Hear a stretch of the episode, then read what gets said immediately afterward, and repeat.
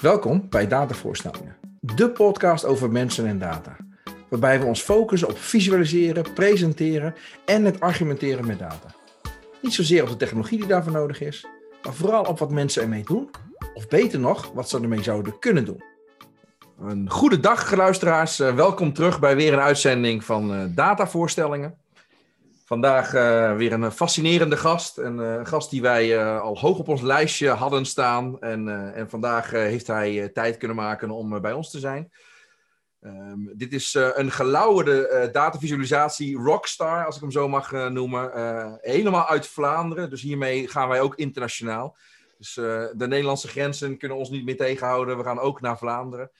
En, nou, en, en voor de mensen die een beetje thuis zijn in deze wereld, dan weet je eigenlijk al over wie we het hebben. Vandaag uh, gaan wij uh, een gesprek voeren met Maarten Lambrechts.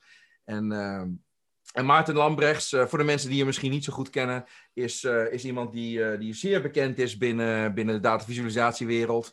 Um, bijna 19.000 volgers op Twitter, daar waar hij zeer actief is. jurylid geweest bij Malafiech. Ehm, prijswinnaar met zijn visualisaties geweest. En het gaat maar door en het gaat maar door. En, uh, en vorige week uh, spraken wij uh, met, met Daan van Flourish. En, en ook daar heeft hij recentelijk een, een blogpost gemaakt over de Connected Dot Plot. Nou, genoeg van mijn introductie. Laten we snel doorgaan naar onze gast Maarten. Maarten, mag ik beginnen met de vraag: wie is Maarten? Uh, dat mag je zeker. Um, ik ben Maarten Lambrechts. Ik woon in Dist, um, zoals je zei, Vlaanderen. En ik ben een data visualisatie consultant, um, wat betekent dat ik een freelancer ben. En als freelancer doe ik heel veel verschillende zaken.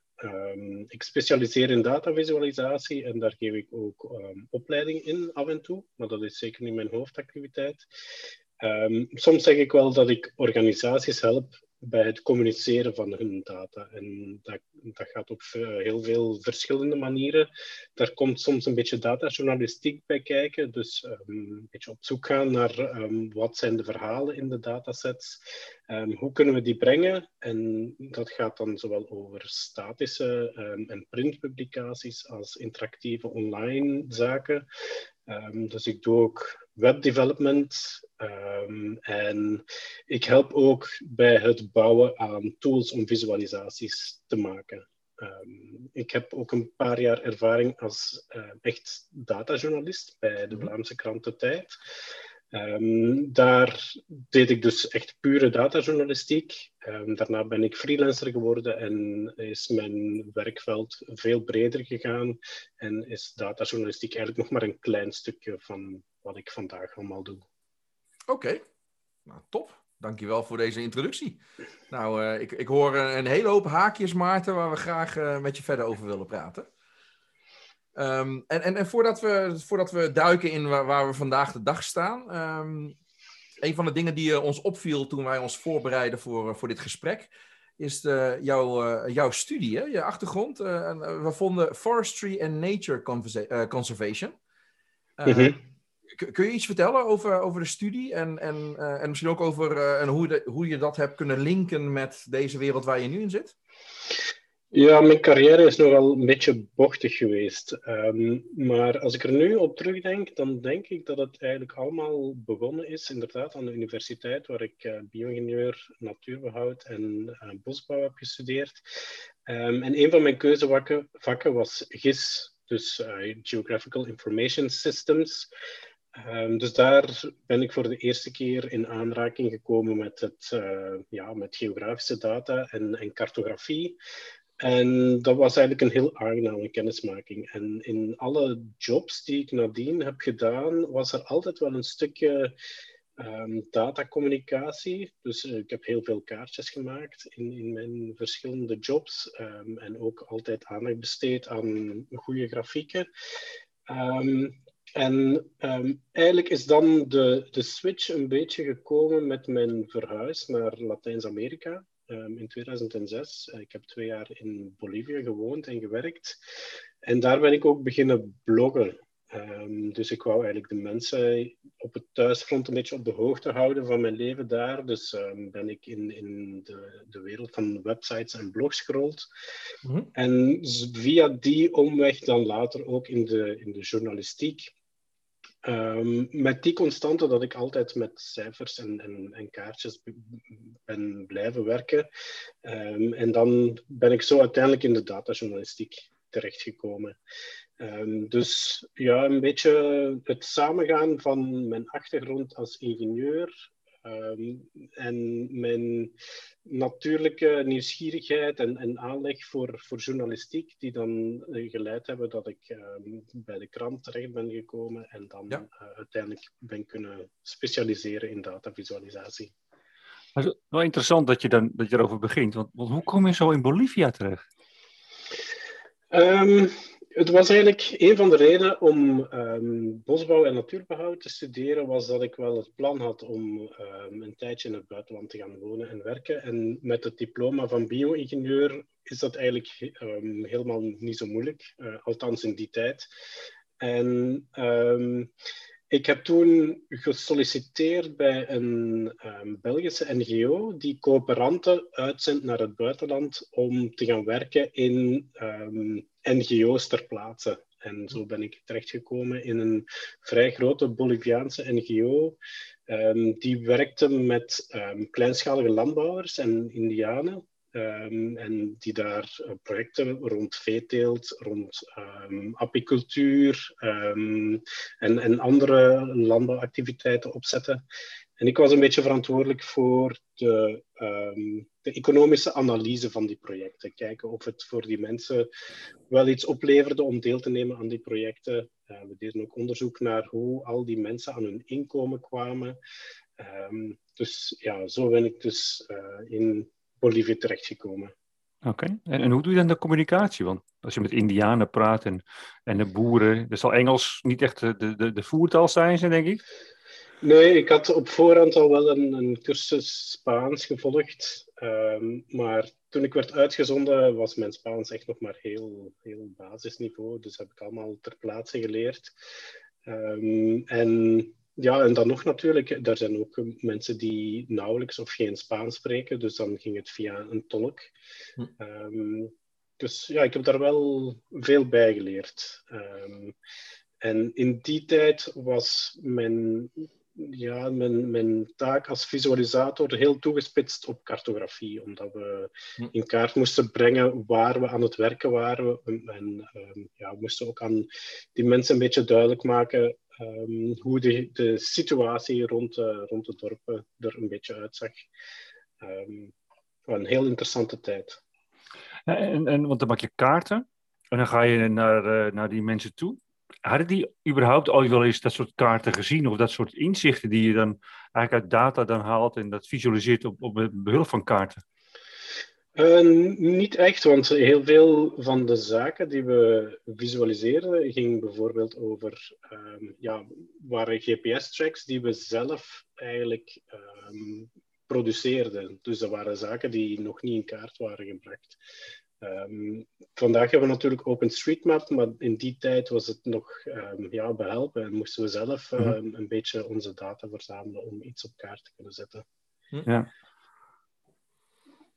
Hey, en en, en na, na een paar jaar Bolivia, hè, en dus uh, veel Spaans geleerd, uh, veel mooie dingen uh, meegemaakt, neem ik aan. Mm -hmm. Toch besloten om weer terug te gaan naar, naar, naar België, naar Vlaanderen? Ja, dat was een beetje een... Ja? Ah, sorry, zeg maar. Nee, ga je gang, ga je gang. Uh, het was een beetje een samenloop van omstandigheden. Een project dat was afgelopen, een paar persoonlijke omstandigheden, waardoor ik en mijn um, toen vriendin, nu vrouw, besloten om terug te komen. Hm. Um, en ja, ben ik dus op zoek gegaan opnieuw naar een, een job hier en ben ik coördinator geworden van een project rond uh, waterbeheer en, bosuitbreiding, waar ik eigenlijk met heel veel verschillende organisaties, uh, landbouwers, natuurverenigingen, waterbeheerders, op zoek ging uh, naar een beter beheer van de bossen en, en, het water in drie gemeenten hier in België. Um, dan later ben ik um, de webbeheerder van ehm, de website van een klein magazine geworden. Eigenlijk Mhm. in het verlengde van mijn blogactiviteit, want ik blogde ook voor dat magazine toen. Ja. En ehm, daar ben ik beginnen experimenteren met datajournalistiek. Het was eigenlijk de periode dat datajournalistiek echt een ding werd. Ehm, en in de beetje tijd dat ik over had naast mijn dagdagelijkse activiteit, activiteiten, experimenteerde ik eigenlijk een beetje met, eh, met datajournalistiek. Oké, dus, dus dan neem je eigenlijk afscheid van nou, het werk waar je, nou, waar je ook eh, je studie eh, mee in lijn was, in ieder geval eh, qua inhoud. En nu ga je over naar, naar journalistiek. Mhm, Ja, dat klopt. Ehm, toen ben ik ook beginnen bloggen over ehm, grafieken die ik in de krant tegenkwam. Omdat ik daar ehm, wel soms fouten in zag en, of manieren om datasets beter voor te stellen.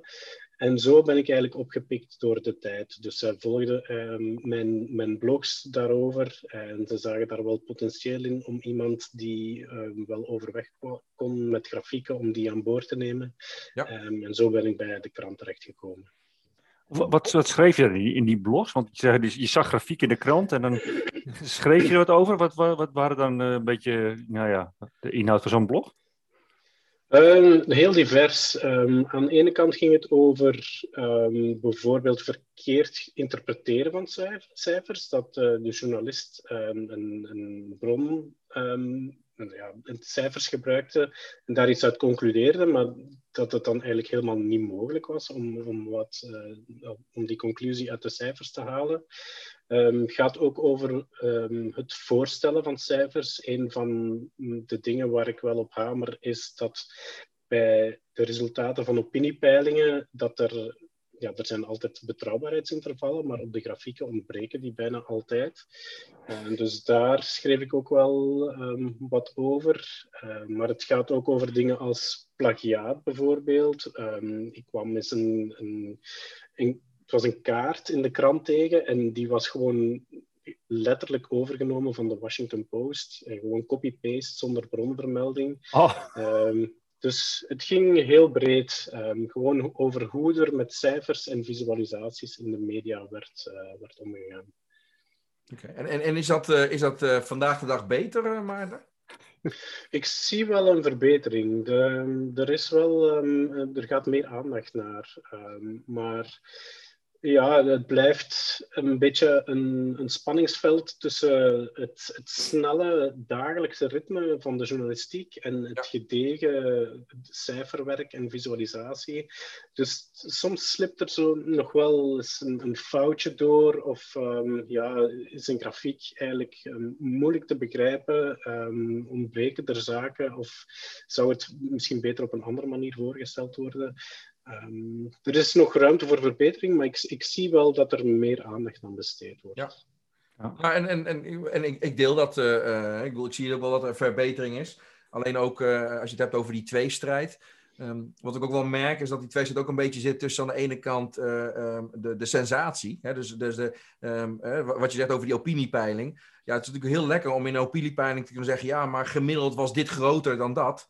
Maar ja, als je dan uh, het hebt over, over de foutmarge, dan, begin, dan wordt het al nuance. Hè? Ja, maar ze, misschien zijn ze wel niet zo verschillend. Er is geen significant verschil.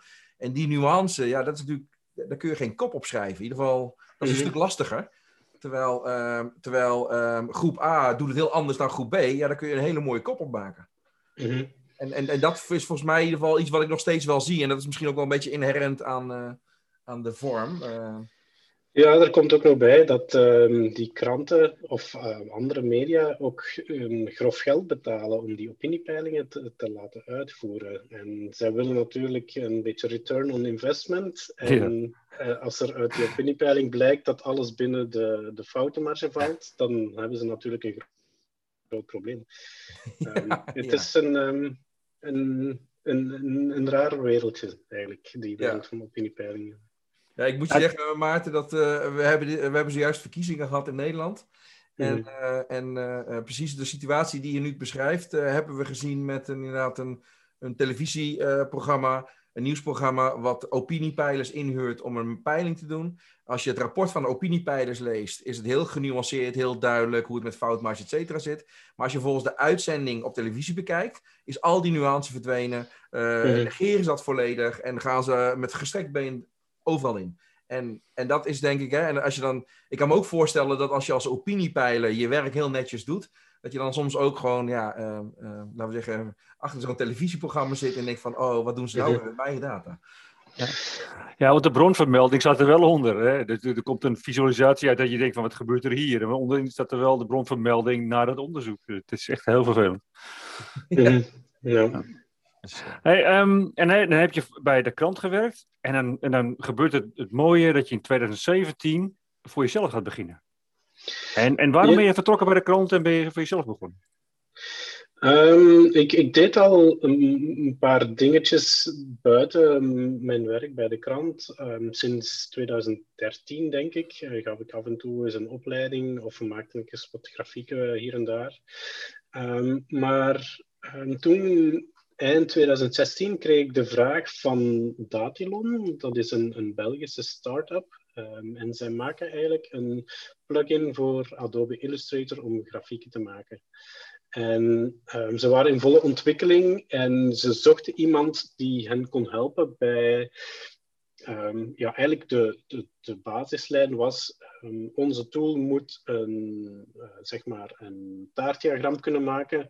Welke instellingen zou de gebruiker moeten kunnen krijgen om um, al die dingen um, rond het taartdiagram te kunnen tweaken, um, te, te, kunnen stylen. ja, moet er een aparte legende bij? wat moet er allemaal kunnen aangepast worden? En zo ben ik bij hun een beetje aan boord gekomen. Ik heb daar ook wel een beetje code geschreven voor hun plugin. en dat was eigenlijk op dat moment ongeveer een halftijds uh, job voor mij. En dat gaf mij een beetje zekerheid om de sprong te, te maken. Um, ik had toen ook al een paar andere opdrachten gekregen. Dus en ik, ik zat op, op een moment dat ik eigenlijk al die activiteiten buiten mijn werk bij de krant niet meer kon combineren. En moest ik dus een keuze maken. Het zij nee zeggen tegen die interessante opdrachten of, um, of zelfstandig worden en, uh, en het zo doen. En dus heb ik uh, die sprong toen gewaagd. Um, en ja, ik heb het mij nog niet beklaagd. Ik ben nog altijd een gelukkige freelancer. Dus, dus een, een taartdiagram heeft gezorgd dat Maarten Lambrechts voor zichzelf is gaan werken? Nee, dat is maar een voorbeeld. hè. Het gaat uh, over... Ja, een van de vragen die ze hadden was ja. ook welke grafiektypes moeten we aanbieden. Ja. Dus daar uh, heb ik hem ook een, een beetje bij geholpen. Ah, oké. Okay. Leuk. En, en, en, we zagen, uh, Maarten, dat, uh, dat je één jaar nadat je, dat je uh, gestart was, dus dat is al dan in 2018 geweest zijn, heb je een, soort jaarverslag geschreven over je eerste jaar um, als, als zelfstandige.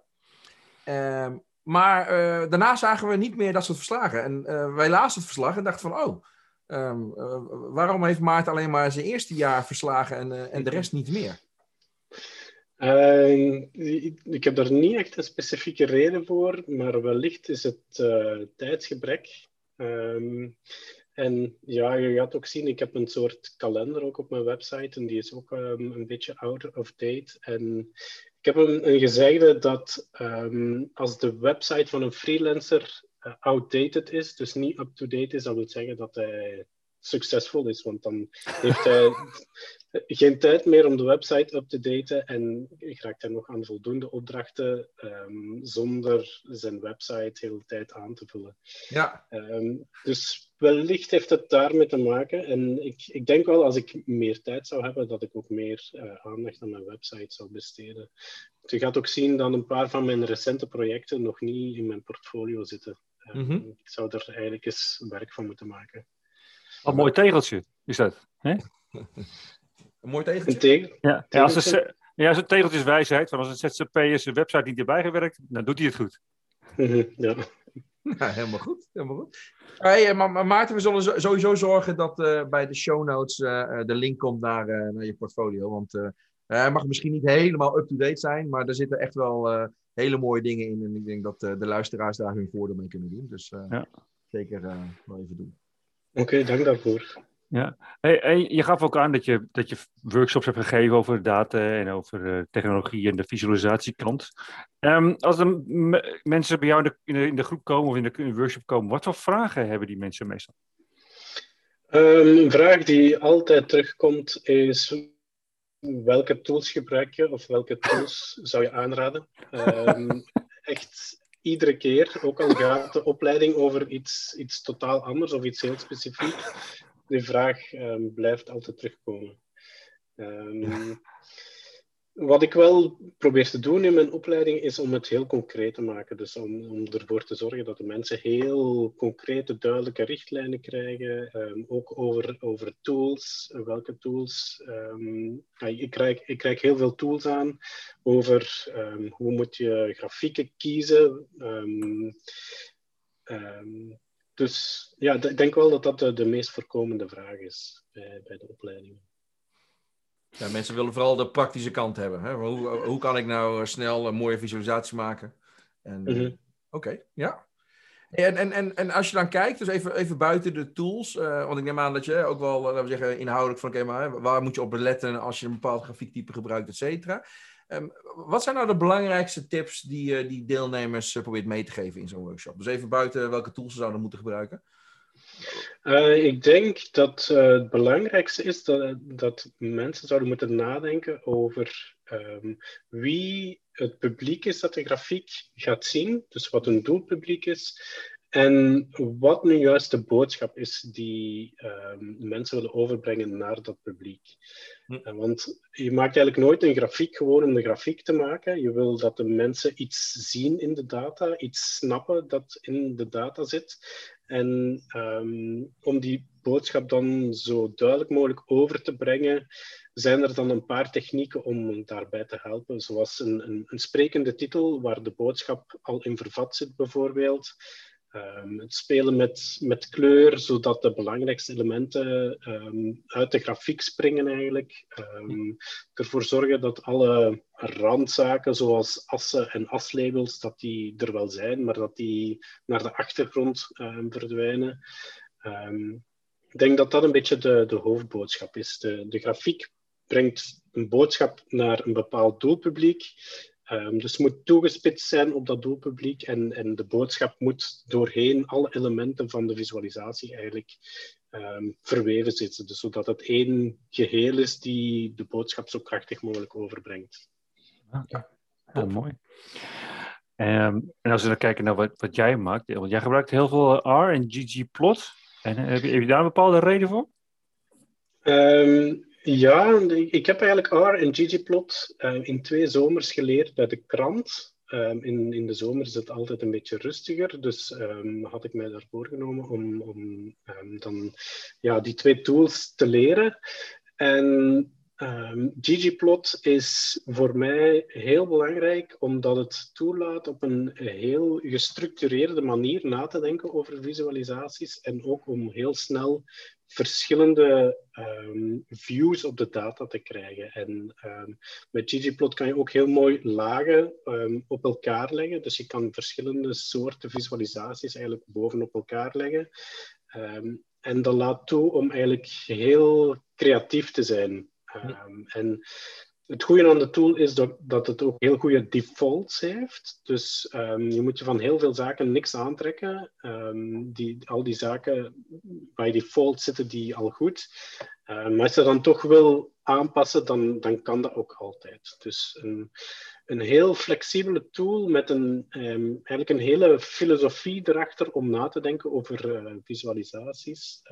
wat het gewoon heel, ja, voor mij alleszins een, een heel aangename tool uh, maakt. Het is snel en het is flexibel. Um, dus ja, voor statische grafieken uh, is ggplot echt mijn, um, mijn go-to tool.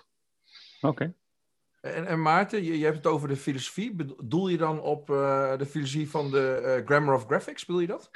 Ja, dat klopt. Uh, dus de Grammar of Graphics. Um, maar tegelijk ook, ja, ggplot plugt ook in in de Tidyverse. Een, een, ja. um, een verzameling packages in R die eigenlijk allemaal ja, ontworpen zijn om mooi met elkaar samen te werken.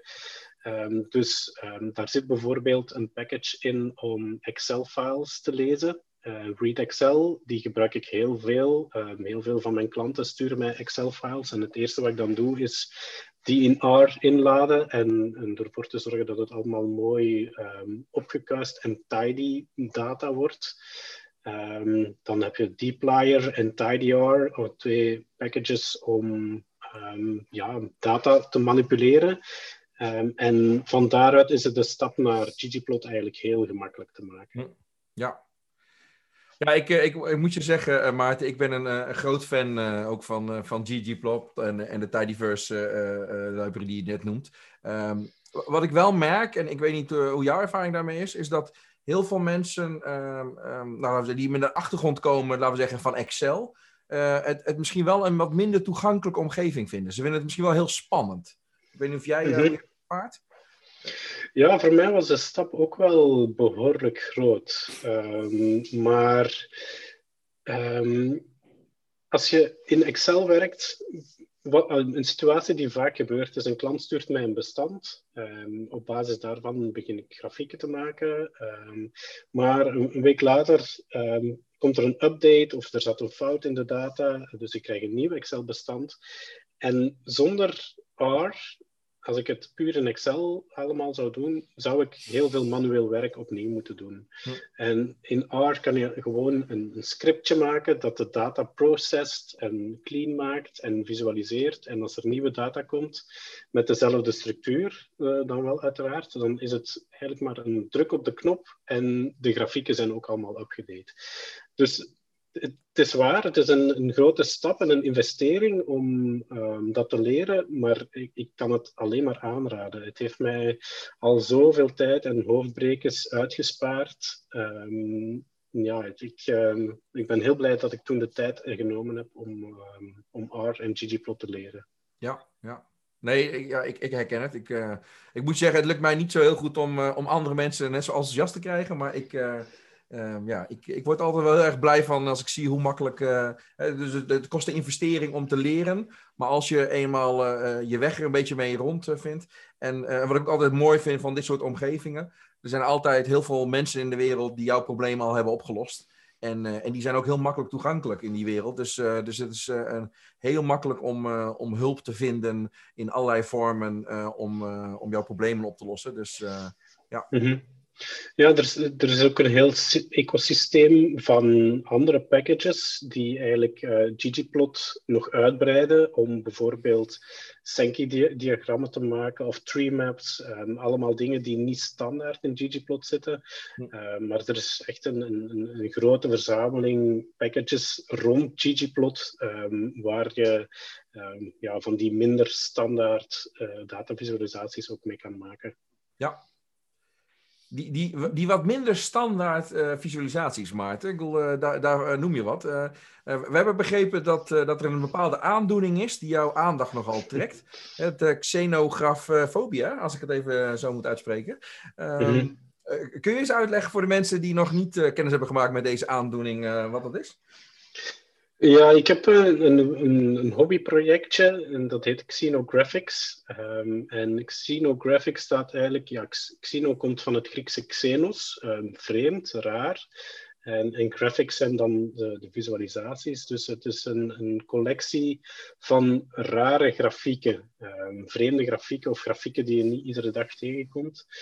Uh, ik ben daar nogal fan van, omdat ik um, vind dat heel veel tools ons nogal beperken of in een keurslijf duwen van um, staafjes en, en, lijngrafieken te maken, terwijl er nog zoveel andere mogelijkheden zijn. Um, maar dan komt inderdaad xenografobia om de hoek kijken. Dus dat is eigenlijk de, de schrik of de angst voor vreemde grafieken. En, en, ik heb dat al een paar keer aan het werk gezien, wanneer mensen geconfronteerd worden met een grafiektype waar ze niet vertrouwd mee zijn, dan krijg je soms de reactie dat mensen gewoon afhaken. Dat ze zeggen, ja, die grafiek, um, ik snap die niet, ik, ik, ga daar mijn tijd niet aan spenderen om die proberen te begrijpen en ze gaan gewoon verder. ik denk dat er twee zaken um, bij komen kijken. Eén is dat um, mensen of in, in het algemene, in het brede publiek, de, wat heet dan graphicacy, de, de, ehm, de kennis van het lezen en maken van de grafieken, Mhm. zou moeten verhogen. Ehm, en langs de andere kant moeten we ook geen schrik hebben om mensen bloot te stellen aan die wat ehm, experimentelere grafieken. Alleen moeten we dan natuurlijk genoeg houvast geven aan, aan het publiek om ehm, in de grafiek in te geraken. Dus voldoende annotaties toevoegen of de grafiek in stapjes opbouwen, zodat de mensen aan boord blijven en ja, de grafiek dan kunnen snappen. Want ik, ik ben er echt van overtuigd dat voor sommige datasets en voor sommige boodschappen ehm, de, ook weer de return on investment voor het investeren van een beetje tijd om de grafiek te begrijpen heel groot kan zijn. Als, dan komt er soms die klik dat mensen ineens de grafiek snappen en ineens ehm, wordt er ja, een, een, ehm, wordt een aspect van de data helemaal duidelijk voor hen. Hm. Ehm, dus ja, Xenographics is een, een hobbyprojectje en ehm, ik ben een, een grote bestrijder van xenografobia. heel goed, heel goed. Ja, is dat ook een beetje de, de, de scheidslijn tussen ratio en emotie in grafiek? Hè? Want zo, ja, en aan de ratio-kant heb je natuurlijk de mensen die, eh, ja, zoals eh, eh, Albertus zei, de orthodoxe stijl hanteren. Gewoon basics, grafieken strak en, en, en, eh, en, eh, eh, clean. En aan de andere kant natuurlijk de, de data art, wat uh, Nadie maakt. En alles wat ertussenin zit. Maar hoe- hoe balanceer jij tussen ratio en emotie als jij wat maakt? Eh, voor mij is het eigenlijk heel simpel. Ik zit meer aan de, ehm, de hoe heet het, de simplistische, clean stijl. Eh, maar de reden daarvoor is dat ik niet kan tekenen en ook niet echt ehm, heel artistiek ben a- eh, aangelegd. Ehm, soms krijg ik bijvoorbeeld de, vraag van, van mensen of ik een, een meer illustratief eh, opdracht voor hun kan doen. Maar dan moet ik altijd zeggen, ja, zonder data kan ik niks op het scherm tonen. Ik heb data nodig om ehm, iets visueel te maken. En omdat ik niet kan tekenen, is mijn, mijn stijl ja, minimalistisch en zit ik eerder ehm, in die hoek. Ehm, omdat ik ook wel geloof dat dat de, de beste optie is voor veel van het werk dat ik doe. Ehm, maar ook omdat ik ja, creatief, mijn creativiteit zit eerder in het spelen met data dan in het meer zeg maar spelen met kleuren en, en, en stijlen en, en illustratieve elementen. Dus eh, Maarten, eh, welkom bij de orthodoxe zou ik zeggen. ja. Ik, ik voel al een band. ja. ja. Hey, eh, Maarten, je, je zei in het begin al eh, even gehad over, over opiniepeilingen. En dat, eh, dat daar nog wel eens wat mis mee ging. Nu zagen wij eh, een, werk van jou, eh Rock and Poll. Ehm, eh, kun je daar misschien wat meer over vertellen? Want volgens mij gaat het over opiniepeilingen, toch? Ja, helemaal. Ehm, en dat is een, een projectje dat ik eigenlijk heb opgezet uit frustratie van hoe ehm, opiniepeilingen in de media komen. En ook denk ik wel hoe journalisten niet helemaal goed begrijpen wat de statistiek achter die opiniepeilingen ehm, is. En ik wou iets maken dat de statistiek uitlegt, maar zonder, ehm, formules, zonder statistische formules te gebruiken. Omdat ik weet dat heel veel mensen dan al meteen afhaken. Hm. Ehm, mezelf in kluis trouwens. Ehm, en ik heb dus eigenlijk een soort simulatie van een opiniepeiling gemaakt om eh, uit te leggen hoe dat werkt. En in het uiteindelijke resultaat zie je dan ook waar die, ehm, die foutenmarge eigenlijk vandaan komt. Op het einde genereer ik acht opiniepeilingen uit dezelfde bevolking en dan zie je dat iedere keer die resultaten anders zijn. En ehm, vandaar komt dus eh, die foutenmarge. Ehm, ja, een, een, een hobbyprojectje om, om iets statistisch uit te leggen, maar ik heb er al heel veel positieve reacties op gekregen. Ehm, ook mensen die het in het onderwijs gebruiken, bijvoorbeeld. Dus Ja. ja, dat was een heel fijn project eigenlijk. Nee, eh, Voor, sorry, voor elke verkiezingen zou het eigenlijk eh, eh, verplichte kost moeten zijn voor iedereen die opiniepeilingen gaat laten zien in welk eh, soort medium dan ook. Mhm. Ja, daar ben ik het mee eens, ja. Nee, dus inderdaad, voor de mensen die, eh, die daar vaak mee te maken hebben of die zich afvragen van nou, wat is er nou precies mee aan de hand. Eh, ook daar zullen we nog even een linkje aan toevoegen. Het is echt wel de moeite waard om even zelf met eh Rock and Poll aan de slag te gaan. Dus eh, ja, mo- mooi, mooi project, eh Maarten. Dankjewel. Er is, er is ook een Nederlandstalige versie, peilingen.moe. Oh, oké. Peilingen.moe? Oké. Ja. Oké, kijk. Die gaan we gelijk even opschrijven. Dus eh, helemaal top. Dankjewel.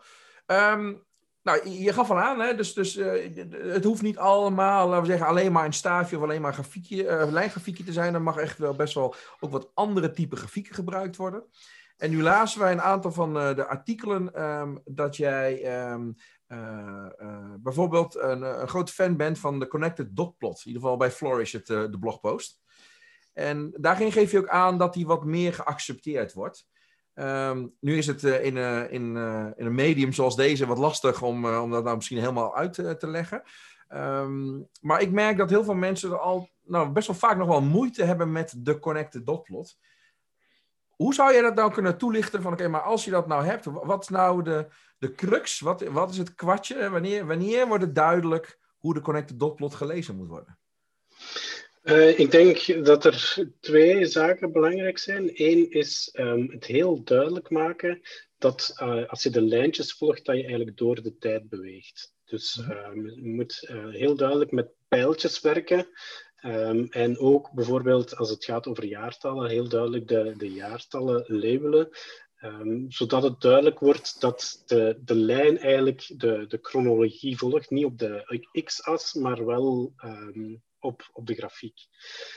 En het andere is dat ja, de, de, die connected dot plot die heeft eigenlijk de eigenschap om bijvoorbeeld als er ehm, een, een vertraging zit tussen twee variabelen, dan krijg je eigenlijk lussen. En, ehm, het zijn die dingen die je dan ook heel duidelijk moet uitleggen. Ja, het is inderdaad moeilijk om het zonder visuele Ja. hulp uit te leggen. Eh, maar met anno- annotaties kan je heel. Ik heb, mijn grafiek daar ging over de hospitalisaties en de overlijdens. En je ziet daar een heel duidelijke ehm, vertraging eh, of een, een, een delay tussen die twee variabelen. En dat, dat kan je eigenlijk heel goed aantonen door annotaties op de grafiek te zetten en te zeggen van kijk, nu gaat de grafiek eh, naar links en een beetje later gaat ze terug naar beneden. En het is net dat aspect dat eh, wijst op een vertraging tussen de twee variabelen in de data. Dus ehm, heel duidelijk de, de chronologie aanduiden en dan ook heel duidelijk uitleggen wat een lus betekent of wat ehm, ja, andere vormen die de curve kan aannemen, wat dat dan exact betekent. Ja. Ja, dus, Show, show and tell, eigenlijk. Ja. ja, dus we moeten denk ik ook wat, wat beter worden in het herkennen van die patronen. Hè? Dus, eh, dus eh, we zijn allemaal heel erg bekend met, eh, met de patronen die ons wat vertellen in een lijn of in een staafdiagram. En, en misschien moeten we gewoon nog wat beter worden in het herkennen van deze patronen. Ja, het is een beetje de moeilijkheid, denk ik, dat ehm, mensen ermee vertrouwd zijn dat tijd altijd van links naar rechts gaat op, op de x-as. En op de connected eh, scatterplot ehm, heb je eigenlijk twee variabelen op x en y en de tijd zit in de curve van de grafiek. Ja. En ja, het is een, een even wennen ehm, en een beetje nadenken over wat er nu precies gaande is. Maar zoals ik zei, één keer je die klik hebt gemaakt, dan begin je dingen te zien op de grafiek die je eigenlijk op, eh, ja, op andere grafieken heel moeilijk kan, kan zien. Ja. Nou ja, hartstikke mooi. Goeie, bedankt voor de, voor de uitleg. Ehm, ja, ik zie dat we bijna een beetje aan het einde van de tijd zijn. En en eigenlijk nog de vraag, we hebben er heel veel behandeld. Is er iets waar jij nog op eh, zou willen terugkomen? Of is er nog iets dat jij zou willen bespreken dat we nog niet besproken hebben? Ehm, niet direct, denk ik. Ehm, ja, er zijn wel een paar projecten waar ik recent aan heb gewerkt, eh, grotere projecten, ehm, zoals de Sustainable Development Goal Atlas van ehm, de Wereldbank. En dit is een, een reeks van 17 interactieve artikels waar ik ehm, samen met Jan-Willem Tulp eh, onder andere aan heb gewerkt. En dat was voor mij, denk ik, de, zeg maar, de, ja, het topproject uit mijn freelance carrière tot nu toe, denk ik. Omdat het een mix is van interactieve datavisualisatie en storytelling, dus ook datajournalistiek. Ehm, er zitten ook kaartjes in, ehm, er zitten heel wat xenographics in. Ehm, dus uh, het gaat veel verder dan staafjes en lijntjes. Um, dus misschien dat ik de luisteraars kan uitnodigen om daar ook eens een kijkje te nemen. Dat is um, een, van de, een van mijn betere projecten, denk ik zelf. Oh, top. top. Nou, als, je, als je ons wel een linkje kan sturen, dan, uh, dan zullen we deze bij de, bij onze key, bij de note zetten, dat mensen dat kunnen aanklikken. Oké, okay, komt in orde. Oh, perfect. Oké. Okay. Nou, Michel. Ja, nee, um, uh, duidelijk. Ik, uh, Maarten, heel hartelijk bedankt voor je tijd en, en je verhaal. En um, ik, ik heb uh, wederom weer heel veel dingen uh, geleerd. En ik ga zeker even kijken bij peilingen.moe, want ik had alleen de, de Engelse versie nog, nog gezien. Um, en nou, zoals wel vaker, uh, hopelijk kunnen we snel weer elkaar ontmoeten bij allerlei evenementen en, en congressen. En ja, en, en tot die tijd, nou ja, tot de volgende keer Maarten. En zoals gezegd, bedankt voor je bijdrage. Oké, okay, heel hard bedankt voor de uitnodiging. Dat was heel fijn. Top, dankjewel. Oké, okay, dankjewel.